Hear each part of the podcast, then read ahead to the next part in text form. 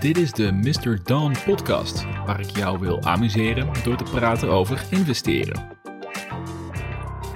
En dit is de eerste aflevering waar we een aandeelanalyse gaan bespreken. En het plan bij dit soort afleveringen is dat ik jullie een introductie geef over een bepaald aandeel. En in deze afleveringen wil ik bij een aantal punten stilstaan. Dus onder andere van wat doet het bedrijf, wat is hun businessmodel, wat is hun moot, wat is hun, hun voordeel ten opzichte van concurrenten. Eh, hoe ziet hun groeiplan eruit, hoe zien de financiële cijfers eruit. En uiteindelijk een bull en een bear case geven over waarom je wel of niet verder onderzoek zou kunnen doen naar dit, eh, naar dit aandeel. Voordat we starten vind ik het wel belangrijk om te, nogmaals eigenlijk te benoemen dat ik geen financieel adviseur ben. Ik doe dit puur voor entertainment doeleinden. En ik hoop je te inspireren met dit soort uh, analyses. Maar ik wil je daarin vooral uitnodigen uh, en uitdagen eigenlijk om je eigen onderzoek te doen ook. Mocht je dit een interessant verhaal vinden. Luister nooit één op één meteen naar anderen wat zij vinden van een aandeel. Maar doe zelf je eigen onderzoek. Maak je eigen mening waarom jij investeert in een aandeel, ja of nee. En dat zal er uiteindelijk ook voor gaan zorgen dat jij veel beter weet welke keuzes jij moet maken in de toekomst als je hebt geïnvesteerd in een, eh, in een aandeel. Maar goed, genoeg introductie. Het is tijd om te gaan naar eh, de analyse. En we gaan het vandaag hebben over het bedrijf Volta Charging. Op dit moment beschikbaar op de beurs via een spec met de ticker NSPR. En wat doet Volta Charging? Nou, de naam geeft het al een beetje weg. Volta levert charging stations uh, voor elektrische voertuigen in Amerika op dit moment. Ze zijn bestaan sinds 2010 en ze hebben inmiddels meer dan 1500 charging stations. En ik moet toegeven, het, het eerste moment dat ik hoorde dat er weer een bedrijf via een spec naar de beurs komt die vooral oplaadpunten eigenlijk faciliteert. Ja, toen dacht ik van nou, het, het zal wel. er zijn er inmiddels al meerdere die, um, die een vergelijkbare propositie hebben. Dus uh, Blink Charging is niet al te lang geleden, uh, hebben ze aangekondigd naar de beurs te komen. Je hebt EVgo die, dat, uh, die doen. Maar je hebt natuurlijk ook de bedrijven zoals Tesla bijvoorbeeld zelf die hevig investeren in hun eigen charging stations. Dus mijn eerste reactie was, nou leuk, weer zo eentje. Maar ik heb de afgelopen zondagmiddag, of eigenlijk op het moment van opnemen, uh, vandaag de hele dag, heb ik besteed aan het analyseren van Volta Charging. Omdat er een paar elementen zijn die ik nog niet de waarde had geschat toen ik voor de eerste keer hoorde van deze, uh, van deze aanstaande merger. Wat ik namelijk opvallend vind aan Volta Charging ten opzichte van alle concurrenten, is dat zij echt een stijlvolle oplaadpaal hebben gecreëerd die naast maar, een, een revenue stream voor opladen ook inzetbaar is voor advertising en data. Ja, en dat is wel een domein waar ik zelf enthousiast over ben, ook zelf werkzaam in ben in een stukje digital advertising. En dat heeft mijn aandacht getrokken, dus ik ben er verder in gaan, eh, in gaan duiken. En de reden waarom ik hier enthousiast van word, is omdat ik continu op zoek ben naar innovatieve, disruptieve bedrijven hè, die, die inspelen op de trends van de toekomst. Maar ik vind het spannend om in bedrijven te investeren die één centrale omzetstroom hebben. dan voelt het als een soort alles of niets verhaal. En in dit geval hebben we te maken met drie verschillende vormen van omzetstromen. He, dus een stukje eh, het opladen zelf, maar dus ook advertising en een stukje data. En toen ik verder ben gaan duiken in de verwachte omzetstromen, toen werd ik positief verrast. Ik had namelijk het vermoeden dat het, het opladen de, de, het gros van de omzet eh, voor zijn rekening zou, zou nemen. En dat het advertising en data stuk vooral ja, nice to have is om het verhaal rond te maken of om uh, op korte termijn wat omzet te kunnen genereren. Dat valt eigenlijk ontzettend mee. Dus als je kijkt naar de 2025 eh, vooruitblik, kun je zien dat ze, dat ze van totale verwachte omzet, dat daarvan 56% verwacht wordt vanuit het opladen van auto's. En dat 44% van de verwachte omzet komt uit advertising en data. Dus als je een beetje creatief bent, zou je het ook mogen omdraaien door te zeggen dat dit een advertising company is die ook oplaadpunten aanbiedt. En die dualiteit van dit bedrijf geeft mij in ieder geval een goede aanleiding om hier verder in te gaan duiken. En om te denken van, nou, misschien hebben we hier wel een bedrijf te pakken die een bepaalde edge heeft ten opzichte van de concurrenten. Daar wil ik meer van weten. Dus ik heb mijn zondagmiddag goed besteed en ik heb een, eh, een uitgebreide analyse gemaakt verder van het bedrijf. Want ik zat namelijk ook na te denken van ja, wat zeker interessant dat er drie verschillende revenue streams zijn. Dat, dat, dat is echt een plus in mijn boek. Maar wat voor een impact heeft het nog meer op de verwachte groei van het bedrijf? En als je gaat, daarover gaat doordenken, en het feit dat ze die stijlvolle laadpalen hebben, waar je ook trouwens de eerste 15 minuten gratis kan opladen, wat ook weer een interessante toevoeging is, dan heeft het ook impact op de type bedrijven zeg maar, waar jij je laadpalen neer kan zetten. Want je kunt je voorstellen dat je een standaard duffe laadpaal, ja, die ga je niet neerzetten bij AAA en premium locaties, want dat misstaat gewoon in het beeld van die locatie. Terwijl als je het hebt over een moderne, stijlvolle laadpaal, hè, waar ook gewoon mooie eh, kwalitatieve advertising op getoond wordt, uh, met, met het voordeel dus dat je daar ook de eerste 15 minuten gratis kan, uh, kan, kan opladen ja, dan bied je als retailer bied je meteen een service naar je klanten toe. En je geeft de klanten een reden om te kiezen voor jouw winkel, voor jouw supermarkt, voor jouw winkelcentrum, voor jouw eh, whatever, winkelstraat, ten opzichte van andere aanbieders die dat misschien niet hebben. Waar je bijvoorbeeld geen oplaadpunt hebt of waar je moet betalen. Dus dat is ook nog eens een keer een interessante propositie naar de retailers toe. Die moeten besluiten dat ze de laadpalen van Volta Charging willen hebben. Dus dit mes snijdt aan twee kanten. En ook dat heeft er impact op de omzetstromen die ze hebben. Want het is veel interessanter voor een advertiser om rondom bepaalde premium locaties te kunnen staan. Dan dat je alleen maar staat in uh, nou, brede charging stations of langs de snelweg bijvoorbeeld. want je weet meteen, als je zichtbaar bent als advertiser in een domein waar jouw product ook verkocht wordt, ja, dan is het veel aannemelijker dat de consument jouw product gaat kopen in de aankomende nou, 15 à 30 minuten dat ze door de winkelstraat lopen. Dus dat geeft ook nog eens een keer een boost aan dat verdienmodel. En dat gaan ze nodig hebben ook, want dat is wel een nadeel. Dat is meer een soort reden waarom je niet zou kunnen investeren in dit bedrijf of in dit domein. Is dat oplaadpunten? Het is echt een race to the bottom. Je vergelijkt het met tankstations. Je gaat net zo lief eigenlijk een kwartiertje extra omrijden als je daar voor een aantal cent goedkoper je benzine kunt krijgen. Dat is hetzelfde met dit. Je wilt gewoon je auto opgeladen hebben. En degene die dat het goedkoopste voor jou uh, voor kan zorgen dat je weer rondjes kan rijden, die wint waarschijnlijk je klandizie. Dus dat is niet een model waar ik zelf heel enthousiast van word. Maar die combinatie met advertising en data, dat maakt voor mij dit een model waar meer groei in zit dan wat je op het eerste oog zou mogen verwachten. Laten we kijken verder naar hun financiële cijfers. hoe staan ze nu ervoor? Op dit moment is de omzet wat ze het afgelopen jaar hebben gehaald in 2020 ligt rond de 25 miljoen dollar. Dus het is echt nog een, eh, een opkomend iets. Hè. Je, moet, je moet het ook vooral zien als een, ehm, als een investering in de toekomst. Dit is een groeibedrijf. Dit is een bedrijf die in gaat haken, nu al inhaakt op de, de, de trend dat elektrische voertuigen meer en meer gekocht zullen worden en ook meer en meer gestimuleerd zullen gaan worden door de overheden. Eh, in de westerse wereld heb ik het dan eh, specifiek over. Maar goed, even terug naar de omzet. 25 miljoen afgelopen jaar. En ze verwachten van 2020 tot 2025 verwachten ze een gemiddelde jaarlijkse omzetstijging van 100%. Dus dat betekent, als je doorrekent, dat zij in 2025 een verwachte omzet zullen halen van rond de 830 miljoen dollar. Ja, dat bestaat dus 56% uit opladen uh, en dan 44% uit advertising en data. Wat een interessant gegeven is als je kijkt naar hun EBITDA, eh, oftewel wanneer gaan ze daadwerkelijk winst maken onderaan de streep, dan wordt dit al verwacht in 2022. Dat was voor mij een meevaller, omdat ik heel veel van dit soort bedrijven heb gezien die pas winstgevendheid verwachten rondom 2023 tot 2025. En dat maakt voor mij wel eh, maakt voor mij een minder interessante situatie, omdat het zo'n lange tijd is om vooruit te kijken, dat ik het heel lastig inschatten vind of dat haalbaar is, ja of nee.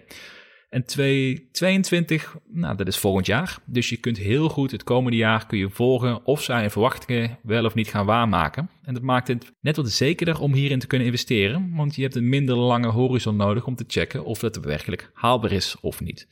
Nou, uiteindelijk wat ze verwachten in 2025, dat ze met een positieve EBITDA zitten van 252 miljoen dollar. Ja, dat zou een, hele mooie, een heel mooi resultaat zijn. Maar goed, dat zijn wel verwachtingen vanuit hunzelf. Dat is nou, gebaseerd op, op prognoses die zij hebben voorgesteld vanuit hun investor relation presentatie. En dat is eigenlijk niet meer of minder dan een sales pitch. Dus dit soort cijfers wil je altijd met een korreltje zout nemen. Maar het geeft je wel een indicatie en iets waar je naar, uh, als je uiteindelijk het aandeel, als je dit hebt gekocht, als je dit gaat evalueren door de tijd heen, maar is er nog steeds een goede toevoeging aan je portfolio, dan zijn het eikpunten waar je aan, waar je aan vast kan houden. Wat, verder een interessant gegeven is, is dat er vanaf 2021, dus dit jaar, wordt er gewerkt aan een Europese lancering van Volta.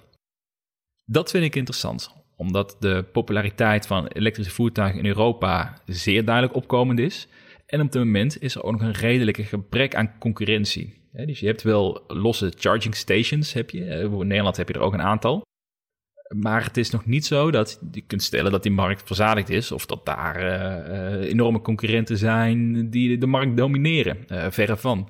Dus dat zij dit jaar gaan starten met een strategie in Europa, vind ik een hele interessante om zeker de komende periode in de gaten te houden, om te zien of ze dit gaat lukken. Dat is wel een proces overigens van twee jaar. Dus 2021 tot 2023 verwachten zij die uitrol voor elkaar te krijgen. Maar ik ben in ieder geval blij om te zien dat dit direct op hun agenda staat voor, eh, om nu mee aan de slag te gaan. En als je kijkt naar hun verwachtingen qua aantal stations, op dit moment hebben ze dus eh, 1500 stations in Amerika. En ze verwachten dit jaar te verdubbelen naar 3000. Met uiteindelijk een groei van aantal stations naar 26.000 in 2025. Nou, hartstikke leuke cijfers allemaal, maar er is één punt waar ik als investeerder altijd naar kijk. Of ik nou uh, met aandelen investeer of in mijn investeringen in startups. En dat is de schaalbaarheid van het businessmodel. Uh, er, is namelijk een hele nou, veel voorkomende situatie waarbij de, de netto marges van bedrijven verder dalen, dalen, dalen naarmate ze groter worden. Omdat ze meer investeringen moeten doen of omdat hun producten niet per se schaalbaar zijn voor de massa. En ik was positief verrast dat in dit geval de schaalbaarheid heel duidelijk aantoonbaar is. Dat heeft ermee te maken dat ze hebben aan of uitgerekend dat hun op dit moment kost 3,6 jaar om een laadpaal voor hen terug te verdienen, de investering. Omdat ze nog in de opstartfase zitten en heel veel faciliteiten gemaakt moeten worden. Maar ze hebben berekend dat als het, uh, zodra het een volwassen status bereikt, en er komen meer laadpalen, dat tegelijkertijd de netto winst per laadpaal fors gaat stijgen zelfs. Dus dan, uh, waar je nu 3,6 jaar nodig hebt om het terug te verdienen, verwachten zij bij een volwassen businessmodel rond de twee jaar te komen voor het terug te verdienen. En daarmee ook dus hun netto marges gewoon fors te kunnen verhogen. En dat maakt het wel interessant, want dat betekent dat hoe meer, hoe groter dit bedrijf wordt, hoe meer oplaadpunten zij beschikbaar stellen, des te hogere netto marges zullen gaan worden en dus een netto winst onderaan de streep. Dus dat betekent dat dit gewoon een, een schaalbaar businessmodel is. En dat is eigenlijk een checkbox die je wil afvinken. Is het bedrijf schaalbaar voor de lange termijn? Ja of nee? Ja, dan ga je ermee door. Want dat is wel iets wat bij veel bedrijven gewoon ontzettend belangrijk gaat zijn voor je toekomstige rendement die je erop gaat halen. Laten we dan een, een blik werpen op de huidige waardering van het bedrijf. Met hoeveel waarde worden zij nu in de markt gezet? Als je kijkt naar de enterprise value. Dat is eigenlijk de, de waarde van het bedrijf uh, los van het geld wat zij in bezit hebben. Dus ze hebben bijvoorbeeld 600 miljoen dollar hebben zij cash beschikbaar. Nou, dat wordt niet meegeteld bij enterprise value. Enterprise value is wat jij voor het bedrijf, voor de assets nu betaalt als je het zou overnemen, los van schulden en los van, uh, van hun cashpositie. Dan heb je nu, dan, dan spreek je van een waarde van 1,4 miljard dollar aanhoudende dat er een koers is van 10 dollar, waarmee dus officieel uh, oorspronkelijk in de markt is gezet. Nou, inmiddels zit de koers rond de 14,5, 15 dollar. Dus dat betekent dat we met een waarde werken van rond de 2 miljard dollar. Dat is wat het bedrijf op dit moment waard is als je nu besluit om aandelen te gaan kopen. Dus je betaalt 2 miljard dollar voor het bedrijf. Als je dat gaat doorrekenen, wat is dan de, de verwachte waarde over een aantal jaren? Als je kijkt naar hun eigen forecast voor 2025, zit je op een price to earnings van de 7,6 dat is nou, prima als het zouden halen trouwens. En een expected price of sales, dus eigenlijk hoeveel betaal je voor de koers ten opzichte van de, van de totale omzet die ze op jaarbasis gaan halen. dan zit je op een ratio van 2,5. Dus je betaalt 2,5 keer zoveel voor de jaarlijkse omzet die zij verwachten te halen in 2025. Als je het vergelijkt met de concurrenten, de, onder andere Blink Charging in de EVgo, zie je dat aantrekkelijke waardering op dit moment. Dus wat dat betreft ben ik eigenlijk op positief gestemd, want ik had verwacht, zeker bij dit soort bedrijven waarbij al een positieve EBITDA verwacht wordt volgend jaar, eh, dat die waardering iets hoger zal liggen. Maar dat valt mij dus mee. En daarnaast hebben zij dus ook nog 600 miljoen dollar op de bankrekening staan om verdere investeringen mee te kunnen financieren. Dus ik moet zeggen, als je kijkt naar de waardering nu, dat ik daar vrij positief over gesteld ben en hoe het nu in de markt wordt, uh, wordt gezet. Wat ik echt heel belangrijk vind om aan te geven bij dit soort bedrijven, is dat alle berekeningen worden gemaakt op basis van verwachtingen die door Volta ja, worden uh, gecreëerd eigenlijk. Dit, dit, staat in een investor relation, dat is een soort sales pitch. Dus het is zeer belangrijk dat je bij, uh, als je wil investeren in groeiaandelen, hè, zoals deze, waar het echt jaren gaat duren voordat ze eigenlijk tot serieuze omzetten en op, uh, op positieve winstmarges komen, is het goed om voor jezelf te beoordelen of jij denkt dat het realistisch is dat het bedrijf hun verwachtingen gaat waarmaken, ja of nee. En daarom wil ik deze analyses ook afsluiten met een bear case en met een bull case. Waarmee ik je wil aangeven wat de redenen zouden kunnen zijn waarom zij wel slagen in hun missie, maar ook wat de redenen zouden kunnen zijn dat hun missie mislukt. En ik vind op basis daarvan hoop ik jou in ieder geval een eerste aanzet te geven om te denken van oké, dit is iets wat ik wel verder ga analyseren of niet. Laten we beginnen met de bear case. Ik heb twee redenen waarom ik twijfel of voltage charging hun verwachtingen gaat waarmaken op de lange termijn. Allereerst, we kijken naar een vooruitblik naar 2025. Dus dat is nog ruim nou, vier jaar uh, verderop. Er is een sterk toenemende concurrentie hè, van bedrijven zoals EVgo en Blink Charging. Maar daarnaast zijn ook bedrijven zoals Tesla en ook Lucid Motors die zijn ook bezig om hun eigen charging stations te, te creëren. Maar ook ervoor zorgen dat je huis-en-huis charging veel beter en makkelijker voor elkaar komt. En daarnaast worden eh, elektrische voertuigen uh, hebben te maken met steeds betere batterijen, waardoor ze minder vaak opgeladen hoeven te worden of minder lang opgeladen hoeven te worden. Dus je kunt je ook afvragen daarin, in hoeverre is het over vier à vijf jaar nodig om overal charging locaties te hebben op verschillende retail locaties. Als de meeste mensen thuis al een goede plek hebben staan of andere locaties hebben waar ze zelf een auto kunnen opladen. Dus dat is iets waarbij ik me afvraag van nou goed, hè, hoe schaalbaar wordt het dan om nou, die uh, 26.000 oplaadpunten te creëren in vier, vijf jaar tijd? Is dat realistisch en is die vraag er eigenlijk wel naar als je kijkt naar de ontwikkeling van andere bedrijven? En daarnaast verwachten zij, met deze cijfers die ik net noemde, verwachten zij een agressieve groei met jaarlijks 100% omzetstijging in een gedurende periode van 5 jaar. En daarmee verwachten ze netto marges te halen van 30%. Dat is pittig, want we hebben hier te maken met een propositie die niet onderscheidend is hè, van, van, van concurrentie. Het gaat gewoon om opladen van een auto. Het is puur elektriciteit wat je, wat je verhandelt. En dat is een race to the bottom. En dat zal niet gaan veranderen. Sterker nog, dat zal sterker gaan worden de komende jaren. Uh, het, wordt, het zal steeds goedkoper worden. En de vraag is een beetje, nou, hoe, hoe gaan zij ervoor zorgen dat zij net positief blijven onderaan de streep? We hebben ze natuurlijk wel een heel interessant model met advertising en data. Niet voor niets dat dat ook bijna de helft van de omzet zal gaan, uh, voor zijn rekening zal gaan nemen. Maar ja, de vraag is wel, allereerst, is die groei van 100% per jaar, is dat haalbaar? En tweede, hoe zorgen ze ervoor dat ze hun netto winst op niveau houden en die 30% netto marges halen? Ja, en daar ben ik wel terughoudend in om te denken dat dat realistisch is. Maar dat, dat, zal, dat is afhankelijk van heel veel factoren. Hè, ook van hoeveel mensen gaan er overstappen naar elektrische auto's. Hoe ver gaat dat verder gestimuleerd worden door de overheid? Uh, wat gaat de concurrentie doen? Hoe ziet het macrolandschap op dat moment uit? Uh, maar er zijn wel dingen waar je rekening mee wil houden als je nu investeert in voltage charging. Dus dat zijn mijn bear cases eigenlijk, waarom het zou kunnen mislukken. De redenen waarom ik denk dat ze wel gaan slagen in hun missie, is dat elektrische voertuigen, uh, nou, het, het, is gewoon echt in opkomst. Er komen er steeds meer en meer. Dus Tesla heeft de weg vrijgemaakt. En nu zijn alle zelfrespecterende autofabrikanten zijn bezig met hun eigen EV's. Volkswagen is bijvoorbeeld een mooi voorbeeld. Die hebben de ID3 gelanceerd en dat is gewoon een prima auto, die ook voor leaserijders gewoon heel interessant is. En daarmee een concurrent wordt voor Tesla, waar voorheen eigenlijk nog geen concurrenten waren voor, uh, voor, Tesla's. Maar het betekent dus ook dat er steeds meer draagvlak komt in de breedte om elektrisch te gaan, uh, te gaan rijden. En daarnaast is ook de politiek bezig om het elektrisch rijden steeds verder te stimuleren. En ik verwacht er ook voor dat dit in de komende jaren dat er gewoon zwaar geïnvesteerd zal worden om ook de faciliteiten te creëren om elektrisch rijden op grote schaal mogelijk te maken. Want dat is wel iets wat wel nog even te vragen is op dit moment. Hoe wordt dat uiteindelijk gefaciliteerd? Want het stroomnetwerk nu is onvoldoende om voor heel Nederland bijvoorbeeld elektrische auto's te laten rijden. Weet dan kan het netwerk gewoon niet aan.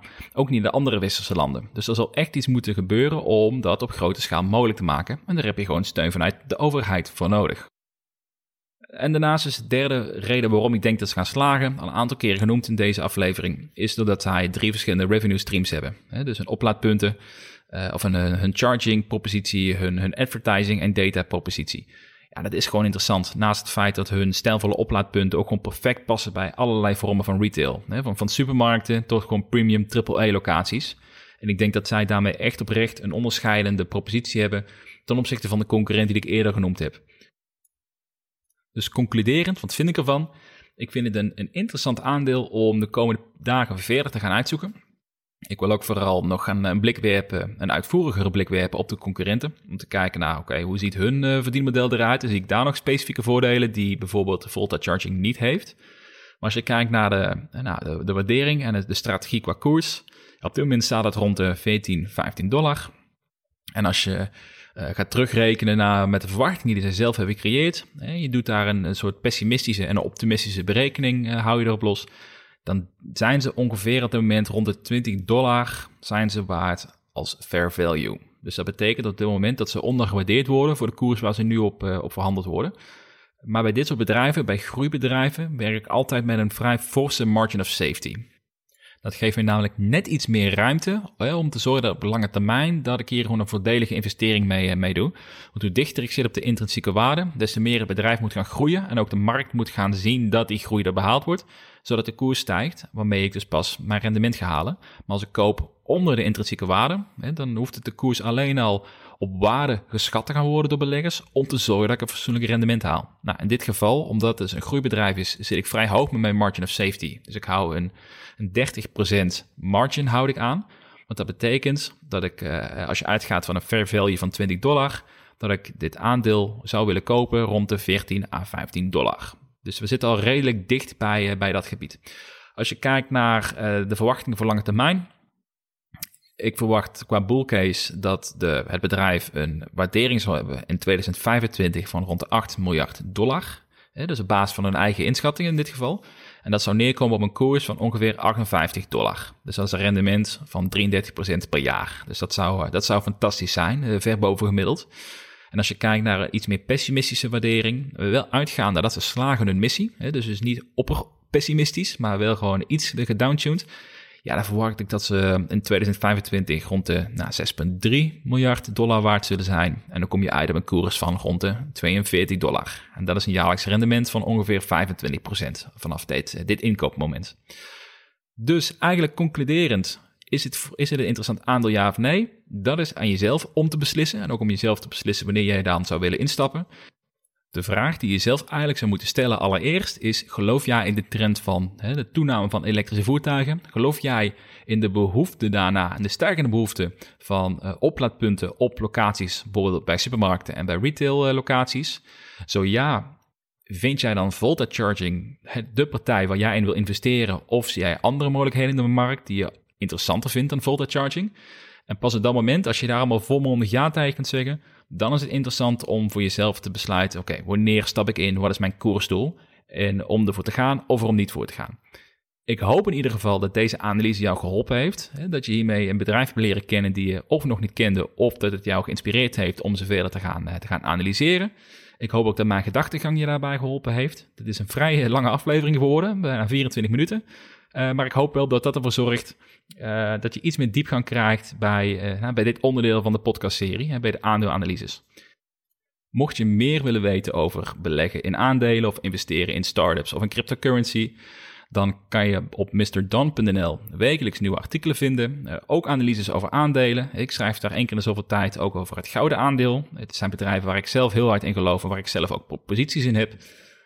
Um, als je wilt meepraten of zelf input wil leveren over welk aandeel geanalyseerd kan worden in de toekomst in deze aflevering, dan wil ik je graag uitnodigen om onderdeel te worden van de Mr. Don Community. Daar kun je je voor aanmelden, ook via de website. Dat is een openbaar Discord-channel waar allerlei beleggers in zitten en investeerders die het leuk vinden om met elkaar ideeën uit te wisselen. Dus wees van harte welkom. En dan wil ik afsluiten om jou te bedanken om te luisteren naar deze aflevering. En graag tot de volgende keer.